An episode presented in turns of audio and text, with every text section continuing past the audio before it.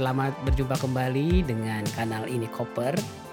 Kali ini kita akan ngobrol-ngobrol tentang branding ya. Nah ini sering kali uh, kalau di dunia bisnis itu sudah biasa ya. Dunia industri itu udah udah hal yang lumrah dibicarakan tentang branding. Nah kali ini uh, istimewa nih kita ada narasumber ya narasumber luar biasa Mas Dani akan ngobrol-ngobrol akan sharing tentang bagaimana branding jika digunakan untuk uh, pemerintah misalkan ya. Apakah memang pemerintah membutuhkan? Ya selama ini kita kalau mendengar kata pemerintah apa sih yang ada di kepala kita ya yang terlintas gitu? Apakah emang hanya pembuat kebijakan saja pembuat regulasi atau sekarang udah mulai kebentuk misalkan image uh, pelayan masyarakat gitu ya atau uh, ya kita mungkin melihat juga dari hasil-hasil pekerjaan pemerintah selama ini. Ya intinya apa sih yang berubah mungkin ya? Maka uh, sering kita dengar kata pencitraan. Mungkin itu kalau bahasa branding yang uh, gampang dimengerti sekarang pencitraan ya. Apa mungkin pencitraan yang mau dilakukan? Mari kita dengarkan langsung. Saya panggilkan Mas Dani Oke, Mas Dani, uh, tadi di awal saya sempat apa bahas Mas Dani hari ini mau cerita tentang branding. Kalau yang saya tahu kan di dunia, saya dulu pernah kerja tuh mungkin sekitar berapa bulan ya di advertising. Nah kata branding itu ya sering kali dapat pekerjaan bentuknya ya berupa logo gitu ya. Tolong bikinin logo ini, logo itu gitu atau kemudian tagline ya itu sampai ke sana lah ya karena saya juga basicnya bukan dunia komunikasi desain komunikasi visual. Tapi kalau anak-anak desain komunikasi visual sebenarnya itu makanan sehari-hari. Dan yang saya tahu bicara branding tuh itemnya banyak tuh ya. Dari yang mulainya ibaratnya stationery gitu ya diubah dari mulai kartu namanya kemudian kop suratnya amplopnya sampai ke uh, pakaian seragam karyawannya gitu. Itu mereka bicaranya branding ya secara visual itu yang dilihat gitu. Nah, apakah ada hal-hal lain di luar itu? Gimana nih Mas Dani? Apa sih sebenarnya branding itu? Branding ini paling gampang kan sebenarnya orang menerjemahkannya sebagai merek ya. Nah, merek tuh brand. Ya, ya merek kemudian paling sederhana kemudian diterjemahkan sebagai logo ya biasanya. Ya logo nah kemudian diterjemahkan lagi menjadi semacam slogan ya ya slogan. Nah kemudian berikutnya sebenarnya adalah hal-hal kaitannya dengan yang tadi disebut oleh Denny ya tentang apa bahan-bahan komunikasi visualnya ya. Jadi ini yang menjadi penting gitu. Tapi dulu saya juga memperoleh pencerahan dari Denny kan bahwa sebenarnya branding itu kan semacam janji ya. Janji kepada audiens atau janji kepada pelanggan bahwa saya menjanjikan sesuatu gitu. Nah, sesuatu itu kan akan dilihatnya dari satu visual, ya apa yang dilihat, kemudian apa yang didengar, ya, ya, kemudian apa yang di apa kata-katakan oleh orang gitu ya itu yang kemudian menjadi penting kan menjadi penting bahwa bukan sekedar visual ya tetapi juga ada ada audio ada suara dan ada juga apa ada teks yang disampaikan ada pesan yang disampaikan jadi semuanya ini kalau di apa diramu lah kasar ya diramu menjadi sesuatu kemudian dikomunikasikan dengan tepat boleh jadi itu yang baru namanya branding. Cuma kalau hanya logo saja nggak cukup ya. Atau seragam saja ya nggak cukup gitu. Ya ini lengkap gitu ketika dia pakai seragam maksudnya apa gitu. Kalau sudah pakai warna ini maksudnya apa? Nah, apakah itu bisa dilihat oleh oleh audiens? Itu yang menjadi sangat penting kan. Hmm ya jadi utuh ya sebetulnya kalau kita melihat branding ya. Uh, di dunia marketing tuh juga sering disebut-sebut ya. Jadi kan ada tiga ini katanya tahapan. Ada marketing, ada selling, ada branding. Jadi mereka menerjemahkannya kalau marketing ya menciptakan pasar gitu. Kalau selling itu memastikan produk sampai ke pembeli makanya ada sales gitu. Nah kalau branding tuh menciptakan pelanggan. Nah jadi jadi dia tidak perlu lagi dikasih tahu, dia udah otomatis akan membeli produk itu. Nah itu gimana kaitannya dengan tadi yang Mas Dani sampaikan? Apakah karena emang sering di brainwash gitu sebagai orang pelanggan atau emang orang udah udah kadung percaya gitu dengan produknya atau gitu. Ya dulu di marketing dan selling itu sebenarnya saya tertarik ada satu konsep yang jarang sebenarnya kalau kita kan bicara di non bisnis ya. Nah kalau di bisnis nih biasa gitu bahwa mereka kaitan antara marketing, selling, branding itu kayak tritunggal ya. Ya jadi satu apa satu satu kegiatan yang utuh bahkan ya lebih apa lebih sebagai sebuah sistem. Nah satu kegiatan yang yang saya tertarik ya pada pada hal-hal yang kaitannya dengan ketiganya itu adalah apa yang disebut dengan aktivasi. Nah aktivasi itu yang saya ingat adalah bahwa itu terjadi juga di kita ya terutama kalau kita masuk ke mall misalnya. Itu biasanya sebelumnya kan kita nonton sesuatu atau mendengar sesuatu. Bisa di radio bisa di televisi ya, ya. nah misalnya contohnya Garuda Indonesia misalnya. Itu kemudian kita punya bayangan warnanya apa misalnya? Warna dari Garuda biru misalnya ya. biru nah kalau Garuda ingin mengaktifasi saya di mall atau di mana pun tempat yang strategis untuk memperkenalkan Garuda biasanya di sana Garuda juga akan menunjukkan warna birunya gitu. Sehingga antara imajinasi saya waktu nonton nih di TV atau mendengarkan sesuatu di radio dan kemudian di ketemu misalnya di mall ya, itu satu rangkaian apa? Rangkaian rangkaian komunikasi branding yang utuh gitu nggak nggak mungkin misalnya tiba-tiba di mallnya warnanya jadi kuning atau warnanya jadi merah gitu. Jadi di beberapa perusahaan tuh dulu saya ingat ya di teman-teman yang ada di iklan itu misalnya sedang kalau nggak salah dapat sesuatu dari, dari project dari misalnya Telkomsel lah. Itu warnanya kan merah ya. Nah kalau pesaingnya warnanya orange atau warna biru ada warna biru itu saja di videonya Telkomsel itu mereka sangat apa sangat apa sangat tajam atau sangat kritis gitu. Tolong warna itu dihilangkan. Warna ini nggak boleh ada warna lain. Gitu. Nah saya nggak yakin kalau di pemerintah itu sampai se apa serinci itu gitu. Kadang kita berantakan gitu ya kalau de bekerja dengan pemerintah. Suka-suka warnanya pada saat kita diskusi logo. Kalau lagi suka warna apa? Warna orange ya jadinya orange. Kalau lagi suka warna hijau juga hijau eh, suka-suka siapa aja yang dominan gitu. Iya ya, tadi Mas Dani sempat nyebut Telkom ya. Saya saya ingat banget tuh ketika mereka mengubah logo itu kan bukan sekedar mengubah logo ya, tapi mengubah juga budaya kerja, ada nilai baru, ada mungkin ya selain produk baru tentu ada visi yang baru dan sebagainya. Apakah memang seperti itu Mas? Jadi mungkin pemerintah kan juga sering ganti logo tuh, tapi kelakuannya tetap sama. ya sebenarnya komponen komponen utama dari branding kan visi misi ya. ya kaitannya kan ke sana kan. Nah visi misi sebuah organisasi kan tuh nyawa, nyawanya. Kemudian diturunkan menjadi nilai ya kebudayaan organisasi, sistem segala macam, juga skill, perilaku dan macam-macam. Yeah itu turunan dari visi dan misi itu. Sehingga kadang pernah nggak waktu kita share tentang branding dengan di Malang ya, ya waktu itu dengan yeah. sebuah hotel. Hotel itu menyampaikan brandingnya itu sangat kuat gitu bahwa hotel kami itu sangat dekat dengan alam gitu. Birunya kami ambil dari laut, hijaunya kami ambil dari hutan, ya kemudian ini diambil dari nuansa air dan sebagainya itu adalah bagaimana seorang staf biasa menjelaskan brandingnya gitu. Ya itu kan bukan atasan yang yang tinggi gitu, itu hanya apa?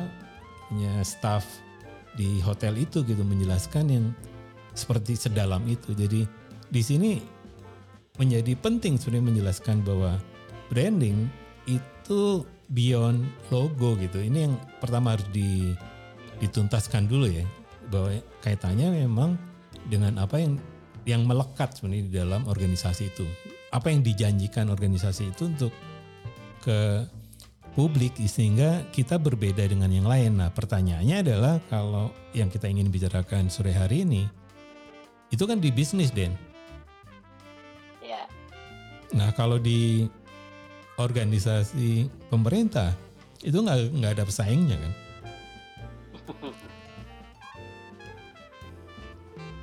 Nah, gimana ya kita memanfaatkan branding buat organisasi yang sebenarnya nggak ada pesaingnya? Ya, jadi nggak ada pesaingnya itu artinya kan bahwa anda tidak melakukan apa-apa, Anda tetap bisa berproduksi kan? tetap ada, tetap eksis. Nah, tapi mungkin ya ada tujuan yang lain yang ingin di ini ya kan kan tujuan branding itu sebenarnya untuk tadi ya menempelkan eh, apa namanya ya image lah citra lah. Kita kita ingin dikenal sebagai apa gitu sebagai pemerintah yang seperti apa gitu.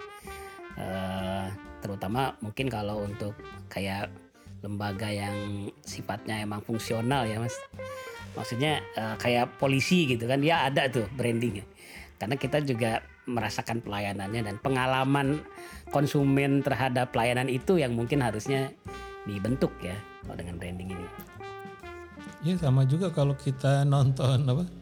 Kalau film Amerika ya, kalau ada FBI misalnya. Itu kan sering diledek-ledek kan orangnya serius, pakai dasi, ya kaku ya, selalu mengikuti aturan, nggak mau apa membayangkan keadilan atau apa gitu ya. Ya kemudian dibuat di film menjadi menjadi menjadi citra gitu, cerita kalau kita tanpa sadar bahwa kalau FBI ya seperti itu ya. Jadi di sini sebenarnya menjadi menarik kan, kalau membicarakan perlukah pemerintah itu nge-branding gitu. Karena ini sama dan kalau di organisasi sosial itu branding juga kadang sering di disalahartikan ya. Seolah ngapain sih gitu. ya Genit banget sih pakai harus pakai branding gitu. Ya gini aja gitu. Nah, ini yang jadi jadi isu sebenarnya karena memang kita tuh nggak ngapa-ngapain nggak penting amat ada yang suka atau nggak suka ada yang apa namanya pro kontra nggak ada masalah silakan aja saya ya saya akan melakukan hal ini gitu walaupun misalnya dikritik habis ya saya melakukan ini terus gitu nggak akan ada perubahan jadi ini yang menarik sebenarnya adalah bahwa pada organisasi-organisasi yang sebenarnya tadi udah apa uang ada ya anggaran ada keahlian ada, kantor ada, ya. Kemudian yang menjadi apa? output ya. Itu sudah ada semuanya gitu. Nah, lalu apa pentingnya branding gitu? Ya. Nah, ini menjadi menjadi isu. Nah, tadi Denny udah sebut bahwa ini isunya adalah kalau memang ber- berhubungan dengan pelanggan, boleh jadi ya, Den ya branding itu menjadi menjadi sesuatu. Hanya isunya adalah di di warga sendiri itu ada kesan gini, ada perbaikan sedi- sedikit aja warga tuh udah seneng. Ya warga tuh kan sebenarnya permintaannya kadang nggak terlampau tinggi juga gitu. Ya jadi misalnya dulu antri terus sekarang antrinya diurut aja, itu udah suka deh. Jadi kadang kalau ngikutin standar ini, kadang bagi pemerintah ya, itu mau standar mana yang akan dipakai? Apakah standar idealnya gitu? Apakah ya sesuai dengan permintaan aja kalau hanya diberikan sedikit saja sudah puas? Kenapa harus dibikin yang lebih rumit? Nah kadang ini yang gap antara kalau ikut project-project ya di project-project kerjasama luar negeri itu kadang kita dituntutnya mengikuti misalnya apakah Inggris, apakah apa nih Australia atau ikutin Amerika atau ikutin Korea atau ikutin Singapura padahal di sini kalau diberikan sesuatu yang melampaui itu si konsumen ya atau si pelanggan atau warga boleh jadi belum siap juga. Jadi ini kadang tarik menarik ya antara antara yang minimalis gitu sedikit ya itu yang banyak banyak dilakukan. Tetapi kadang juga kritikus itu ngelihatnya kan kalau di Inggris gini, kalau di Korea begini gitu. Padahal di sini juga belum belum apa belum begitu diperhatikan. Gimana Den? M- mungkin kalau yang paling butuh branding tuh DPR mas kayak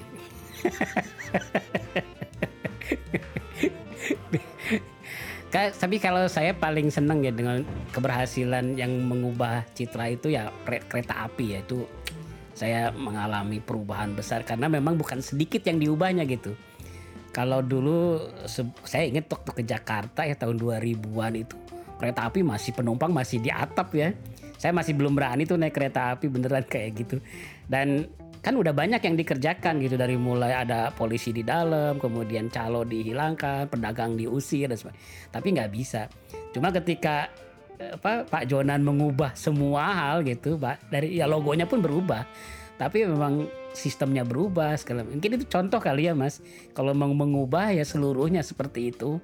Dari mulai beli tiketnya online, calo hilang, kemudian sistem pakai mesin dan wah keren lah kalau saya baca di beberapa yang diubahnya itu. Jadi menurut saya ya itu branding sih. Menurut saya kita langsung di kepala saya langsung sekarang naik kereta api nyaman. Naik kereta api sekarang tenang nggak takut lagi pra- apa jambret dan sebagainya gitu. Itu mengubah sih citra beneran mengubah banget jadi sebenarnya kalau pemerintah mau mengu- mau membuat branding ya emang harusnya total gitu. Eh, dan dan itu perlu sih menurut saya biar ya pasti inilah ya eh, paling tidak orang-orang yang ada di dalamnya juga naik karirnya cepat lah brandingnya berhasil Ya betul tuh. Dan saya pernah di hari pertama ya, tiket itu otomatis. Hari pertama tiket kereta api otomatis itu saya lagi di stasiun kota Jakarta. Saya aja ngeri, Den. Ngerinya itu apa? Jangan takut kelihatan, kelihatan bego gitu di apa, di depan mesin.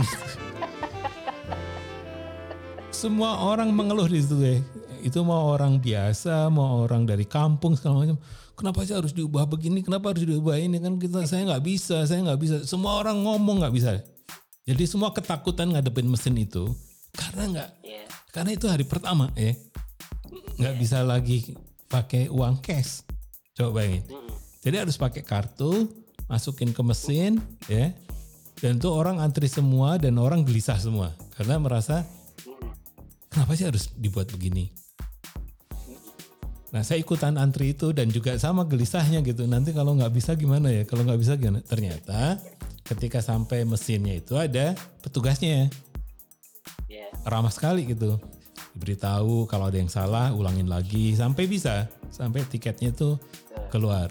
Habis itu problemnya adalah tadi mau ke kereta apinya tiketnya kan harus dimasukin ke itu apa, ke ke pintu gerbangnya. Kalau nggak bisa kebuka gimana nih? Ya. Jadi tapi yang saya ingin jelaskan tuh ketakutan kita semua tuh itu kayak berjamaah dan jadi semua orang tuh takut semua. Nggak ada yang misalnya relax kayak di luar negeri atau udah biasa. Ini semuanya tuh khawatir ntar kalau nggak bisa gimana, nggak bisa gimana. Iya. Tapi beberapa hari kemudian, ya hanya tiga hari lah, saya lihat semuanya orang seperti biasa. Orang malah memuji-muji. Enak ya sekarang, enak ya. Uh, lupa hari pertama itu semuanya komplain. Nah ini menarik kan bahwa bahwa ketika ada perubahan itu dilengkapi dengan sistem yang udah siap, nggak aja nggak hanya tiketnya aja yang elektronik, cuma waktu pas masuk nggak biasa, tapi itu keseluruhannya itu berubah sangat luar biasa. Itu jadi menurut saya ya bagus sih mas branding. Kalau pemerintah mau membuat branding tuh keren sih harusnya ya. Bukan untuk gaya-gayaan ya tapi emang ada kepentingan memperbaiki sistem. Jadi mas Dani mau bikin branding untuk siapa nih?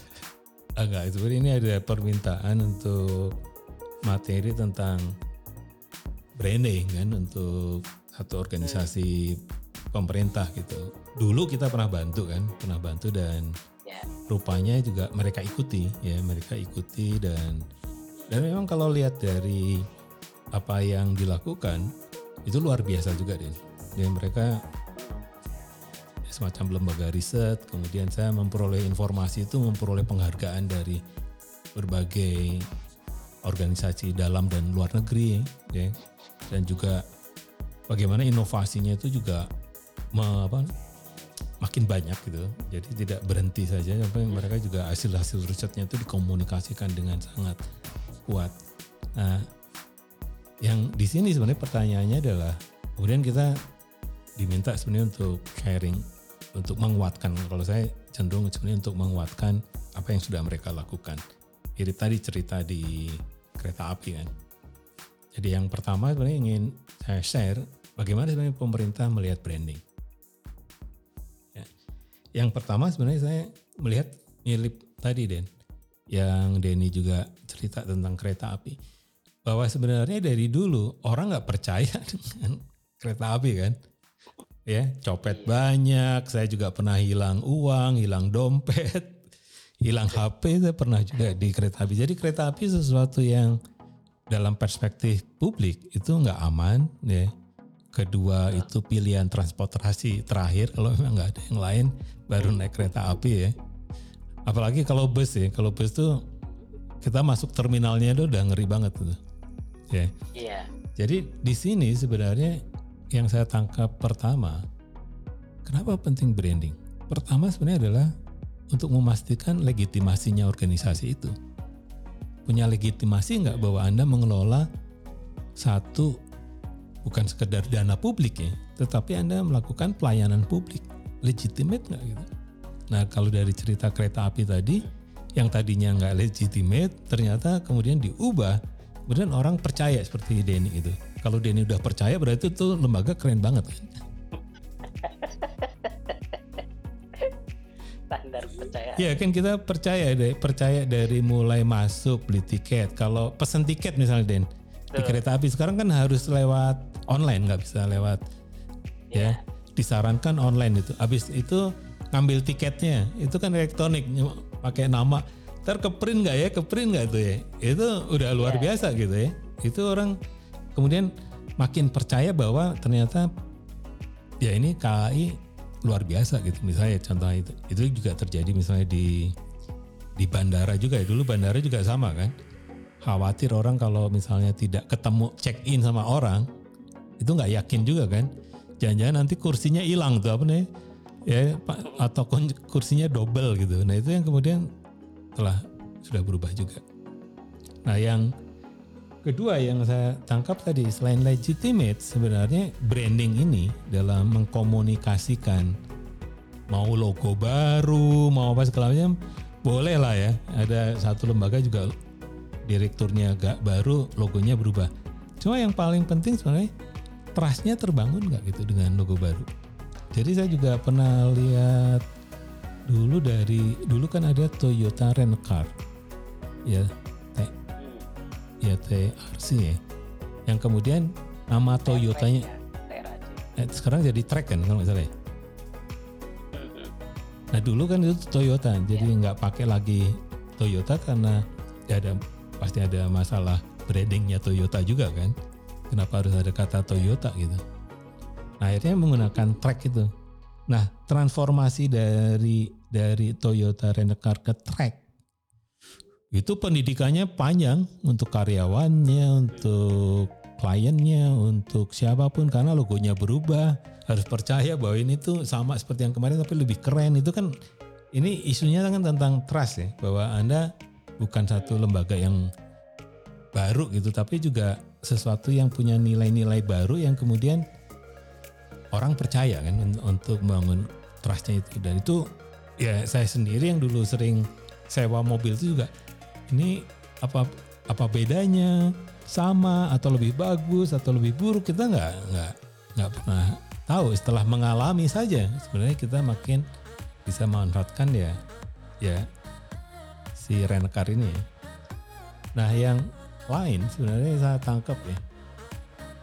Itu branding. Kalau di bisnis kan niatnya memang untuk profit.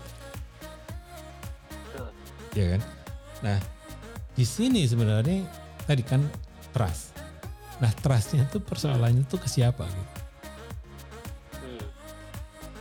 Trustnya tuh ke siapa? Nah kalau mungkin kereta tadi adalah kepada kepada khususnya kepada penumpang kan penumpang yang sudah naik kereta api kemudian cerita lagi kan ke orang lain seperti Denny tadi seperti saya sekarang Iya. sekarang enak loh naik kereta jadi branding tuh keunikannya bukan percakapan yang ada di organisasi kita tapi percakapan di Hmm, klien kita dia ngomongin kita gitu loh iya. Nah, ini yang disebut sebenarnya branding. Jadi branding itu bukan semua orang ya, tetapi siapa yang akan dituju. Nah, yang orang yang dituju itu tadi kalau pulang baru ngobrolin gitu, "Oh, enak sekarang. Tadi saya udah naik itu gampang banget. Saya tiket saya hilang langsung diurus selesai gitu. Saya ny- menyebutkan nomor KTP, udah tiket baru saya dapat gitu. Nah, cerita ini kan harus dipercakapkan oleh konsumen, oleh orang yang kita layani gitu. Nah, saya pernah juga masuk ke satu ya beli tiket gitu. Ke satu apa Taman Nasional atau segala macam gitu. Nah, pagi-pagi saya pengen masuk ke mana tuh Den? Ke pusat informasinya itu kan. Iya. Pusat informasi yang ada di tempat itu. Tiba-tiba tutup kan gitu. Nah, saya dapat informasinya dari mana gitu. Padahal tiket udah dibuka dari jam 2 malam atau jam 3 pagi tuh. Ya. Nah waktu pas kita udah jam 8 pengen tahu lebih banyak wilayah itu, ternyata masih semuanya tutup karena mungkin jam kantornya jam berapa ya nggak tahu juga ataukah itu hari Minggu atau hari Sabtu. Tapi itu pengalaman dari konsumen merasa bahwa nggak bener nih ya, saya nggak dapat informasi lain Iya. gitu. Nah kalau itu yang terjadi, saya akan bercerita ke orang lain bahwa nggak asik tuh pergi ke situ gitu. Nah itu juga mempengaruhi apa? Tadi siapa yang sebenarnya mau dilayani. Jadi kalau orang sudah datang ke tadi ke ke apa ke tempatnya si pusat pelayanan tadi mau tidak mau itu harus tuntas seperti KAI tadi. Ya. Nah yang keempat Den itu sebenarnya yang sering lupa kalau di kepemerintahan itu adalah bahwa yang branding itu melekat di seluruh karyawannya. Mau Iya. tidak mau. Nah, itu yang terjadi adalah dari komunikasi-komunikasi yang kecil pun itu branding melekat. Jadi contohnya saya sering melihat kesiapan pemerintah atau enggak ya dari undangan Zoom-nya aja. Ya, kalau undangan Zoom-nya itu biasa ya, itu saya yakin amburadul. Atau saya kemarin pernah juga oleh Menko diundang gitu. Itu tanggalnya aja salah nih. Jadi waktu saya masuk masuk mau masuk ke Zoom-nya, tiba-tiba ya, tiba-tiba acaranya itu ternyata malam hari. Itu kan jam 9. Yang di Iya. situ ada tanggal jam 21. Kata saya, kalau di branding aja, kalau ada undangan seperti itu, ada sesuatu. Saya gitu aja. Ini nggak beres. Ya pasti nggak beres itu. Kalau ngurusin tanggal aja nggak beres ya. Ya, itu Ya. pasti nggak beres. Yang lainnya itu akan ikutan ya. Jadi di dalam konteks ini seluruh karyawan itu adalah sebagai pembangun atau pengembang branding deh. Jadi kalau dianya gagal, seorang aja gagal, ya saya kita bisa duga ada masalah. Sama juga kan kalau misalnya di kereta api ada satu stasiun aja yang mengecewakan, itu problem deh. Iya. Itu akan jadi omongan, udah jadi apa nih? Jadi viral gitu. Betul. Nah yang terakhir sebenarnya adalah bahwa bahwa sebenarnya ini urusannya adalah bahwa branding di kepem- kepemerintahan itu sama persis yang sedang kita sudah saya bicarakan tadi. Harusnya bukan membicarakan tentang dirinya gitu. Ya, untuk kita sudah berubah kok. Kita sudah berubah kok. Ya, kita sudah semangat yang baru. Kita pakai logo yang baru. Bukan itu. Tapi bagaimana organisasi kita dan produknya itu dibicarakan oleh publik. Iya. Oke, seperti mirip yang kita barusan apa? Jadi terakhir sebenarnya bicara tentang publik tadi. Nah, bagaimana cara berkomunikasi dengan publik adalah dari seluruh seluruh cerita komunikasi itu, mulai dari undangan Zoom aja itu akan diamati oleh publik gitu. Mulai dari wajahnya di Zoom itu juga akan jadi. ya. Kalau sekarang ya, semuanya akan dilihatnya dari Zoom. Audionya di Zoom jelek atau bagus itu akan dilihat, ya. Iya. ya. Sinyalnya waktu berkomunikasi Zoom bagus atau tidak itu akan dilihat juga. Jadi di sini lagi-lagi unsurnya tuh dari mulai yang sangat kecil sampai yang sifatnya nilai ya di dalam atau perspektif di kepala itu harus dikomunikasikan secara kuat kepada audiens ya. Tapi ini audiensnya ada dua den. Ada audiens huruf A kecil itu adalah halayak banyak itu tapi juga ada audiens dengan A-nya besar yaitu memang target dari si lembaga ini siapa. Ya jadi ada, audiens besar ada audiens kecil. Kalau kita audiensnya kecil semua ya itu kita sembarangan biasanya karena kita nggak tahu reportnya itu dari mana. Cuma kalau audiensnya adalah spesifik ya, para penumpang KA atau para penumpang pesawat terbang atau orang dengan usia segini dan sebagainya. Kalau di bisnis kan biasa, Den. Cuma kalau di kepemerintahan kadang ini yang gagal ya di didefinisikan siapa yang sebenarnya menjadi audiens nanti ada audiens kecil, ada audiens besar. Jadi kira-kira itu, Den tentang branding ya, untuk ya, organisasi Menarik, pemerintah. Ya. Oke, kalau begitu berarti ya berarti kan sebenarnya penting juga ya eh, branding untuk pemerintah. Nah, kalau mereka mau memulai apa yang harus dilakukan pertama kali, Mas? Ya. Bicarakan visi misi dulu atau kalau saya saya pastikan visi misi karena banyak organisasi itu kan hmm. pengen nge-branding cuma dia kan sub di sub sub brandingnya organisasi lebih besar lagi ya. Yeah. Ya misalnya kalau kementerian mau nggak mau kan harus ikutin visi visinya nawacita gitu, Jokowi itu. Jadi dia harus sub branding dari itu. Nggak bisa dia bikin brandingnya sendiri tiba-tiba gitu. Nah kalau dia menteri, tadi dia brandingnya sub presiden ya. Cuma kalau dia yeah. eselon 1 berarti kan dia sub branding dari kementeriannya, dari menterinya. Ya. Jadi nggak bisa juga sebenarnya bebas juga. Jadi di sini memang yang paling penting tadi isunya tentang legitimasi tadi. Memang harus menerjemahkan visi-visi yang dan misi yang besar itu menjadi visi spesifik di apa di direktorat jenderalnya masing-masing tadi. Kalau udah turun lagi ke direktorat gitu, itu juga dia harus ikutin yang level dirjennya apa gitu. Sehingga kalau ini nggak disiplin ya seperti KAI nggak sama dong. Semua gerbong kan harus sama gitu. Jadi yang paling penting sebenarnya sekarang ya harus dibereskan yang atasnya dulu. Kalau yang atasnya beres oke kita baca itu turunkan lagi ke level berikutnya baru ke level yang ingin membuat branding di levelnya mereka gitu sehingga itu kurang lebihnya iya. dan tadi ya audiens juga penting ya mau spesifik atau Mungkin lebih mudah kalau spesifik kali mas. Harus spesifik, harus Atau, justru harus spesifik. Iya, justru kegagalan banyak di organisasi non bisnis ya, itu justru kita tidak mampu merumuskan siapa audiens, siapa mitra, siapa klien, siapa penerima manfaat itu campur aduk gitu. Nah kalau bisa dibedakan siapa sasarannya, itu akan memudahkan sebenarnya di bagian lain di dalam branding itu kan strategi komunikasi.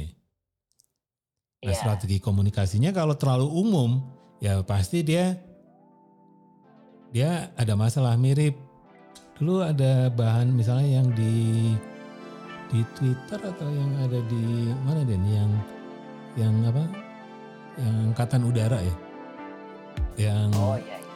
yang konsep apa kata konsep bahasanya berubah kan? Sampai ya. saat ini sebenarnya justru ada satu temuan branding itu sendiri sebenarnya dibangun dari suara yang dipilih. Jangan sampai suara kan sekarang podcast sangat populer ya. Nah suara di podcastnya itu harus mencerminkan apa?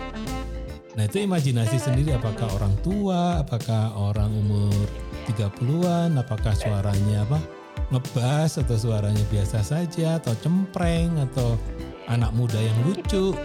Nah, itu suara itu sekarang justru akan jadi sesuatu alat branding yang lagi ngetren gitu. Jadi memanfaatkan suara sebagai wakil dari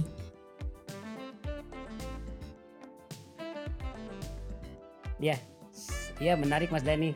Sepertinya uh, apa yang sudah disampaikan cukup lengkap ya. Tadi lima hal dari Mas Dani yang harus dilakukan untuk membuat branding di pemerintah pemerintahan. Dan kita ngebayangin ya kalau pemerintahan benar-benar melaksanakan tadi karena branding tadi di awal Pak tadi cerita ya. Apa yang dikatakan apa yang di apa dilakukan apa yang dilihat itu kalau uh, persis sama ya kita semua senang banget pasti ya. Karena janji itu ya kalau pemerintah kan kaitannya sama janji politik ya janji kadang ada 100 hari gitu kan. Nah kalau itu bisa terwujud ya atau minimalnya bisa dirasakan lah oh ini ada perubahan ya benar-benar menarik gitu dan berarti branding yang selama ini kita tahu mengubah logo segala macam itu sebetulnya bagian dari strategi komunikasi aja yang mengkomunikasikan uh, apa yang berubah tadi ya Mas Dani ya. Iya kalau kalau saya tangkap gitu ya bahwa turunannya ya. kemudian kan memang ada perintilan gitu perintilan yang harus memang di yeah. diupayakan sama juga misalnya dulu logonya harus konsisten warnanya harus konsisten oke okay lah cuma nggak konsisten sendiri itu logo deh itu branding juga kan? kita tahu bahwa anda kacau gitu aja kan nggak apa-apa gitu. iya emang itu yang brand itu yang ke brand itu yang nempel di otak kita oke okay, okay. Mas Dani. Ya yang menarik sekali ngobrolin branding. Ya apa yang Mas Dani mau pesankan ke pemerintah? Ya prinsipnya adalah bahwa untuk meyakinkan apa publik ya atau warga negara ini ya memang apa yang dijanjikan dari kata-kata kemudian apa yang kita bisa rasakan kita bisa lihat kita bisa sentuh itu konsisten kan sebenarnya jadi dengan cara itu ya kita akan support lah apa pun yang sudah dilakukan oleh pemerintah. Itu kira-kira deh. Ya. ya, terima kasih Mas Dani. Makasih banyak ya kita mendapatkan banyak inspirasi dari branding ini ya. Dan kita tunggu nanti Mas Dani mempraktekkan di berbagai lembaga supaya negara ini terbranding dengan baik. Oke Mas Dani, kita cukupkan podcast kita kali ini. Sampai ketemu lagi di ini koper berikutnya. Sampai jumpa.